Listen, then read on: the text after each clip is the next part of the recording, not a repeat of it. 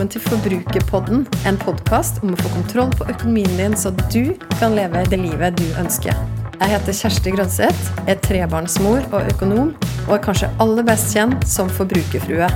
La oss snakke litt om forbruk, for alt starter med det.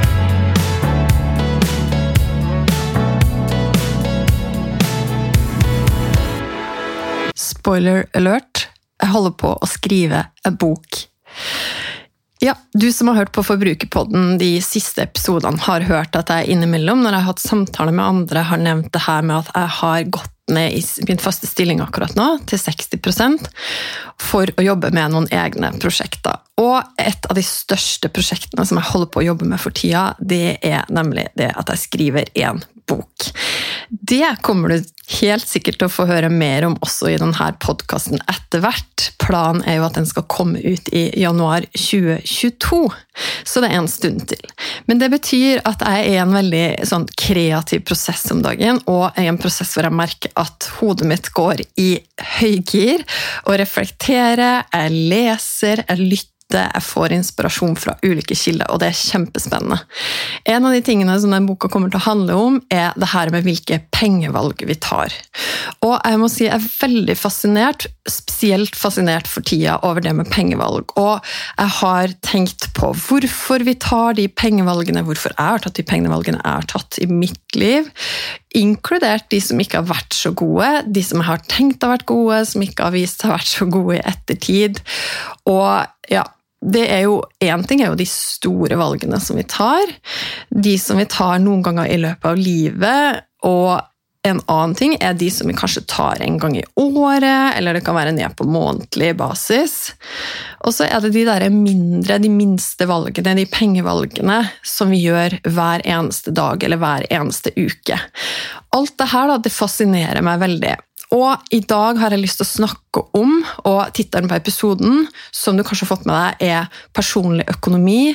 Er personlig, men det trenger ikke å være privat. Og hva mener jeg egentlig med det? Jo, det jeg mener med at personlig økonomi er personlig, det er at det i aller høyeste grad er noe individuelt. Det vil si at når du hører på et råd eller tips som jeg gir, så er du nødt, eller noen andre gir for den del, så er du nødt til å filtrere det gjennom ditt eget liv.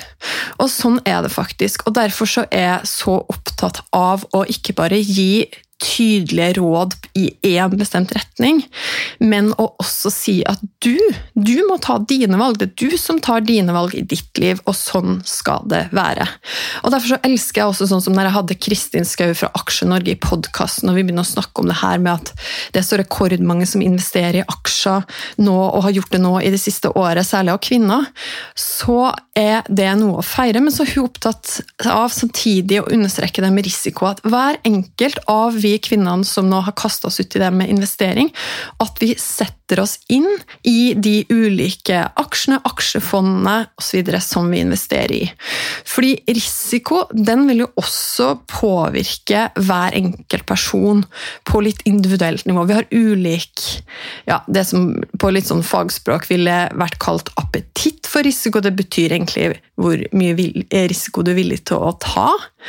Og vi har ikke minst ulik økonomi, som gjør at det er veldig vanskelig å si en generell ting og gi en generell anbefaling. Det kommer helt an på hvor du er i din økonomiske situasjon, og ikke minst hva du ønsker med ditt liv.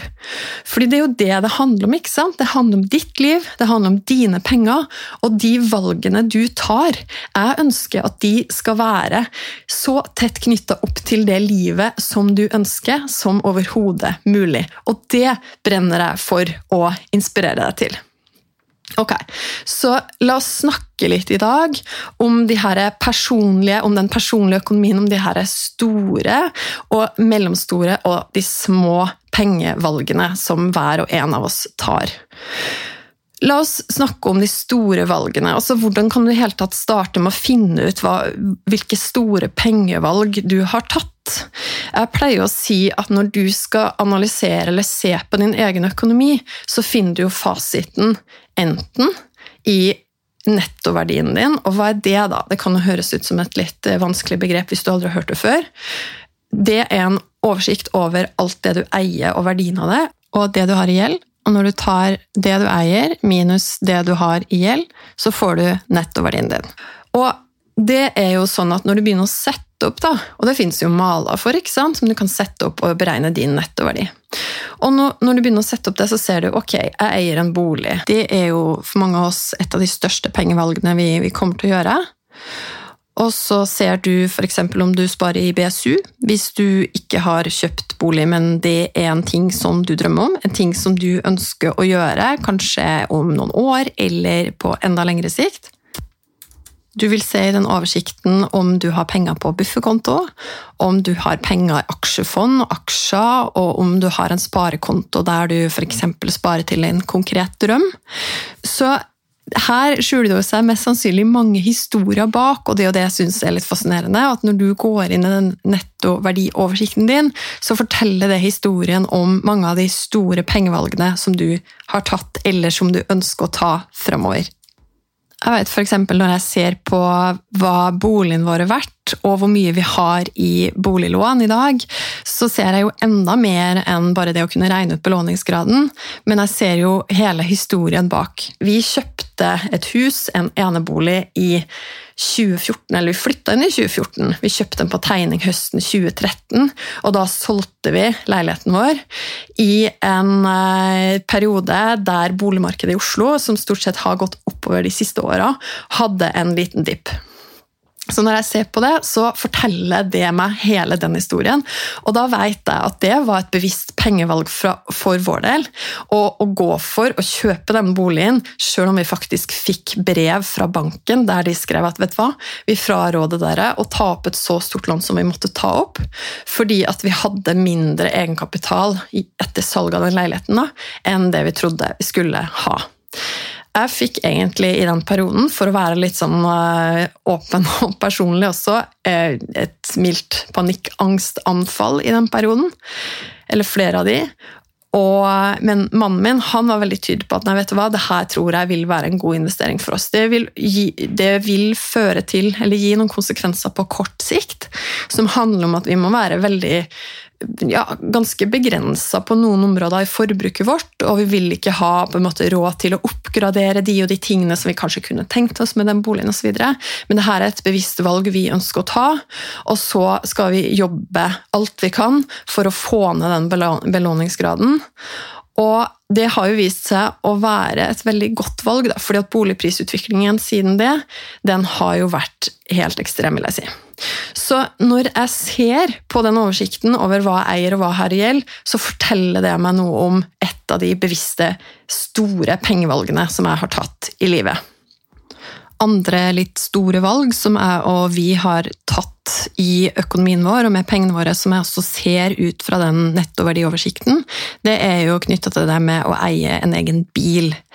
Jeg har fortalt historien flere ganger før om hvordan vi geriljasparte i 2019 for å kvitte oss med billån, og at vi endte med også å kvitte oss med den bilen som vi hadde da, leve et halvt år bilfritt våren 2020, for så å kjøpe oss en ny bil som vi da betalte for kontant. Så ut fra nettoverdien så kan jeg da lese hele denne historien om de valgene vi har tatt knytta til bil.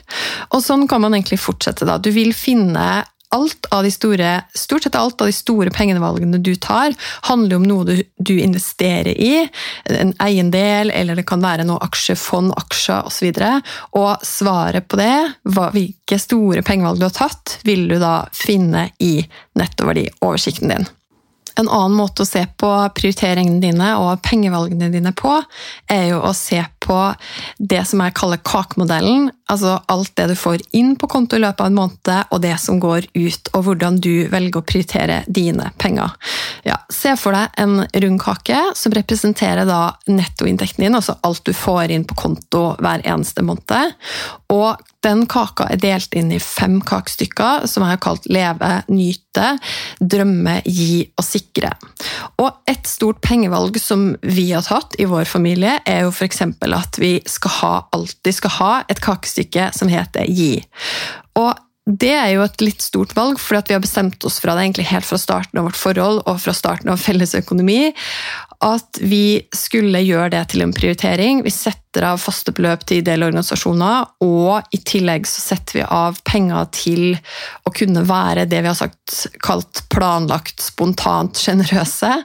Det betyr at vi kan, hvis vi møter noen i vår verden som har pengebehov i en eller annen form, så vet vi at åh, vi kan faktisk gå inn der og møte de behovene fordi vi har planlagt det, vi har satt det av i, som en del av kaka vår andre store ting som du kan se i hvordan du prioriterer pengene dine i løpet, eller med en sånn kake.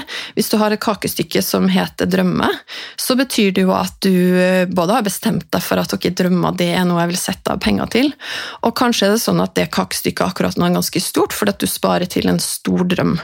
Et annet kakestykke som sier noe om de store pengevalgene, er jo det med sikkerhet sikre. Altså der pleier jeg å si at det handler om å først bygge seg en krisebuffer og betale ned dyr gjeld. Så bygge seg en superbuffer på jeg pleier å si tre måneders levekostnader, men selvfølgelig, det kommer litt an på livssituasjonen din og hva du eier, og om du har barn å forsørge osv.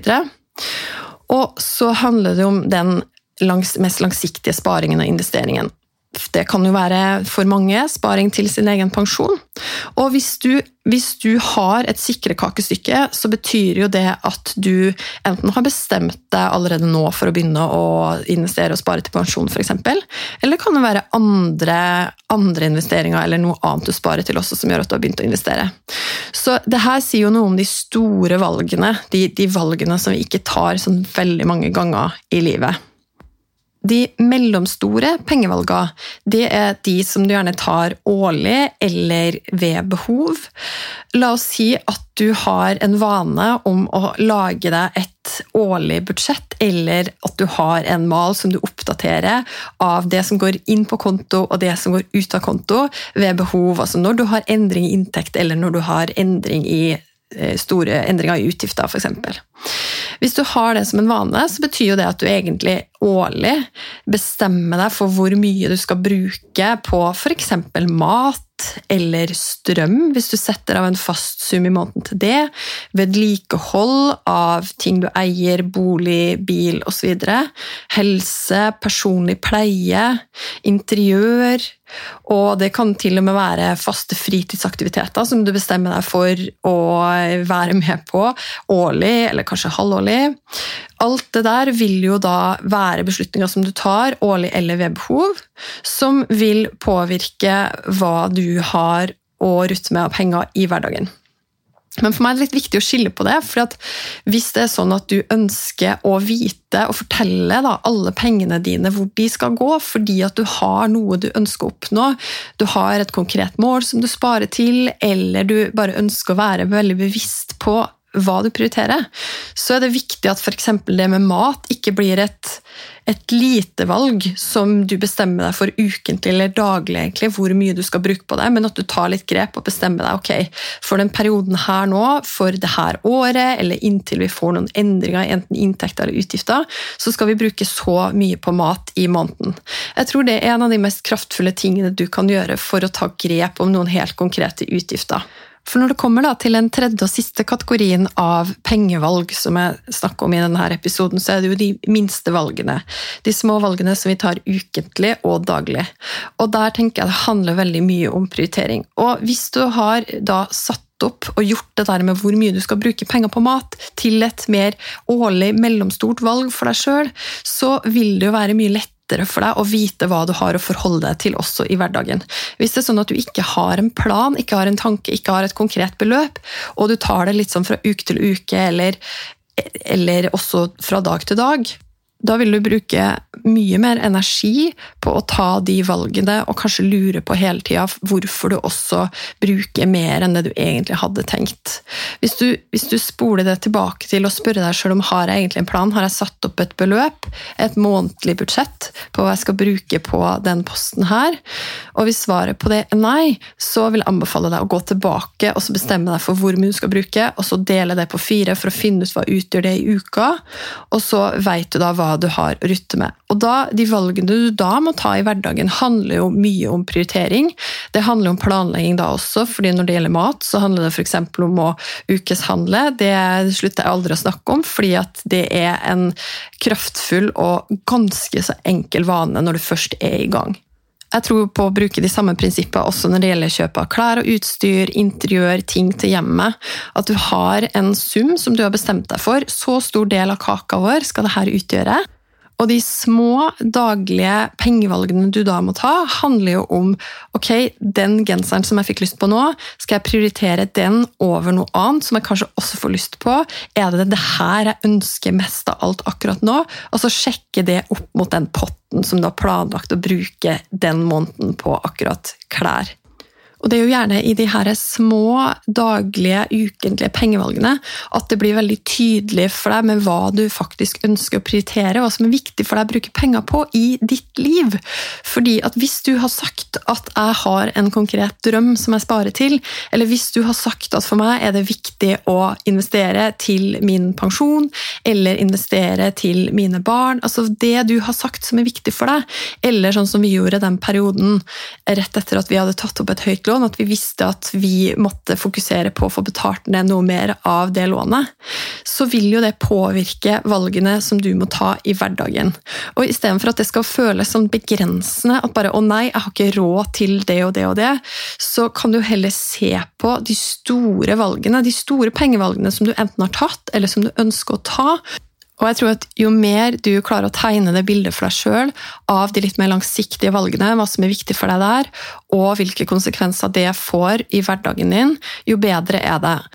Og så er det jo sånn da med oss mennesker at i valget mellom eh, ting som er bra for oss, og ting som vi har lyst på, så velger vi gjerne det vi har lyst på. Og i valget mellom å få noe i dag og å få noe i framtida, så velger vi det vi kan få i dag. Så du kan si at en ting som det å spare til pensjon, da, som gjerne er noe som er bra for oss, og som er veldig langt framme i framtida for mange, er jo vanskeligere å motivere seg for enn den umiddelbare lykkefølelsen du får av å kjøpe deg et nytt plagg. Det er derfor det er så viktig at du prøver å se for deg så konkret som mulig det du vet er bra for deg, der inne i framtida en eller annen gang, og særlig kanskje konsekvensen av hvis du ikke gjør noe. La oss ta pensjonseksempelet. da. Hvis du da ikke sparer til pensjon, og du gjentar det år for år for år fordi du har mer lyst til å bruke penger her og nå, så vil jo du sitte igjen med den dagen du skal slutte å jobbe, mest sannsynlig mindre penger enn det du har inn på konto i dag, fordi at sånn er det ofte hvis vi ikke sparer til pensjon på egen hånd. Så det å prøve å se for seg da en hverdag som kanskje da vil være mer begrensa, og prøve å se for seg det, og hva du egentlig ønsker. Nei, du ønsker jo kanskje å ha en litt større økonomisk frihet da også, ja, men da vet jeg det, at da må jeg begynne å sette av penger fast i måneden nå. Og så må jeg bare vite at de pengene der, de, jo tidligere jeg begynner å investere, etter at jeg da har spart opp bufferen min og betalt det den dyre gjelda, selvfølgelig, jo tidligere jeg begynner å investere, jo mer penger vil jeg da sitte igjen med den dagen jeg skal slutte å jobbe. Og jo mer du utsetter den beslutningen, jo mer må du jo da spare og sette av hvert eneste år når det begynner å nærme seg pensjonsalder. Så det kan jo også være en ting å tenke på. Det er mange som har sammenligna det med personlig økonomi med trening og det å ta vare på helsa si. Og det her har for min egen del vært et område som jeg syns har vært ganske krevende å motivere meg sjøl til.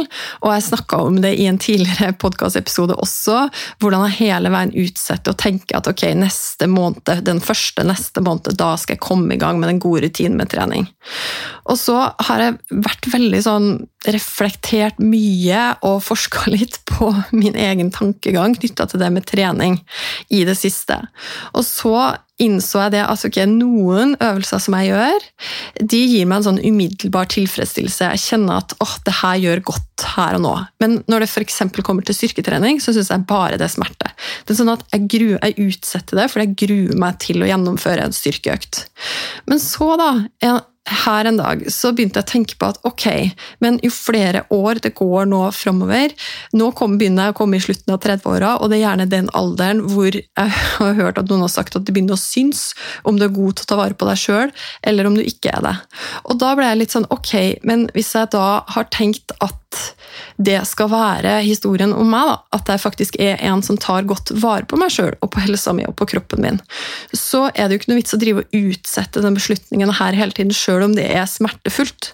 Da er jeg nødt til å finne ut hvordan jeg kan skape meg en rutine som handler om å få lagt inn den økten, som tross alt ikke tar mer enn 30 minutter. Men å bare finne en måte å få gjennomført den, og vite da, og stole på prosessen, og vite at hvis jeg gjentar den over tid, så vil jeg bli sterkere, og det vil bli også lettere å gjennomføre de øktene her. Og en av de tingene som funker veldig bra på meg, det er når noen spør meg om jeg skal være med å trene. De siste dagene nå så er jeg så heldig at min veldig fine nabo har spurt meg om jeg skal være med på en styrkeøkt. Og da har det vært veldig lett å si ja til det. Ja, det har vært smertefullt å gjennomføre det, men følelsen etterpå har vært utrolig god, og det har også vært en veldig fin ting å gjøre sammen. Så det er jeg utrolig takknemlig for. Og det leder meg litt til det siste som jeg har lyst til å snakke om i denne episoden. For det er jo kalt den 'Hvorfor personlig økonomi er personlig, men ikke trenger å være privat'. Det handler jo om alt det der er at har du konkrete mål som er personlige for deg, så vil du måtte ta dine egne personlige valg. Men det er noe utrolig bra med å være åpen og kunne finne noen som du kan dele om din økonomi med. Litt sånn som jeg da trener sammen med hun venninna mi og merker at det gir meg faktisk en utrolig fin motivasjon. Så det vil jeg egentlig oppfordre deg til på slutten av denne episoden det er ikke nødvendigvis det at du trenger å dele så veldig åpent med alle og enhver om dine pengevalg. Mange har jo gjort det og gjør det og, og kjenner at åh, men vet du hva, det er det jeg trenger for å ha en hel gjeng som står og ansvarliggjør meg med mine pengevalg. Men for din del i din situasjon, det er ikke sikkert at det er riktig, men å finne noen er du i et forhold, så er det jo helt avgjørende at du snakker med partneren din om økonomien og hvilke pengevalg du tar, inkludert de som du gjerne har tatt før som du ikke er så stolt av, eller de du tar, tok i går som du heller ikke er så stolt av. Og så anbefaler jeg også å ha en gjeng av noen flere hvor du kan være helt åpen. Og hvorfor det, egentlig? Jo, det handler jo litt om jeg tror at hvordan vi ser på oss sjøl. Det er ofte lettere for oss å bli speila i andre mennesker, og når vi kan få lov til å dele noe som som ikke nødvendigvis er stolt av hvis det har vært snakk om dårlige pengevalg. Og noen kan få lov til å speile det tilbake og stille deg spørsmål og bekrefte deg på at men vet du hva, ja, men hallo, du tok jo kanskje det valget der pga. sånn og sånn og sånn, og du kan få lov til å få den tilbakemeldingen. Det gjør utrolig godt. Og så kan du kanskje få lov å være med og heie på noen andre, og støtte de og gi dem noen konkrete oppmuntringer, og det gjør også veldig godt. Så jeg vil at det skal være oppfordringen på slutten av denne episoden i dag. Finn deg en gjeng som du har lyst til å dele dine pengevalg med. Og hvis det er sånn at du ikke helt vet hvor du skal starte, hvis det f.eks. i din egen vennegjeng ikke er så veldig mange som er interessert i å snakke om det samme, så har jeg en god nyhet til deg, og det er at du kan få lov å bli med i min gjeng. Jeg har nå oppretta en gruppe på Facebook som jeg kaller nettopp Gjengen. Og det kan bli de folka som du ønsker å dele dine pengevalg med. Så hvis du har lyst til å bli med i den Vi er allerede en veldig fin, liten gjeng. Så kan du bare sende meg en melding på Instagram, så skal jeg få sendt deg link, så du kan få blitt med i gjengen min. Du, takk for at du hører på Forbrukerpodden. Og send meg gjerne en melding også og si hva du syns om denne episoden her. Jeg elsker tilbakemeldinger fra dere, og så ønsker jeg deg bare en fantastisk fin dag, og at du skal få lov til å ta noen pengevalg som er gode for deg, både her og nå, og som også gir deg det livet som du ønsker på litt sikt. Jeg vil gjerne vite hva du tenker etter å ha hørt episoden. Så koble med meg på Instagram. Der finner du meg som forbrukerfrue. Send meg en melding. Tagg meg gjerne i Story og del episoden her hvis du likte den. Eller send meg spørsmål. Og husk å abonnere på podkasten den, så får du beskjed hver gang det kommer en ny episode. Vi høres!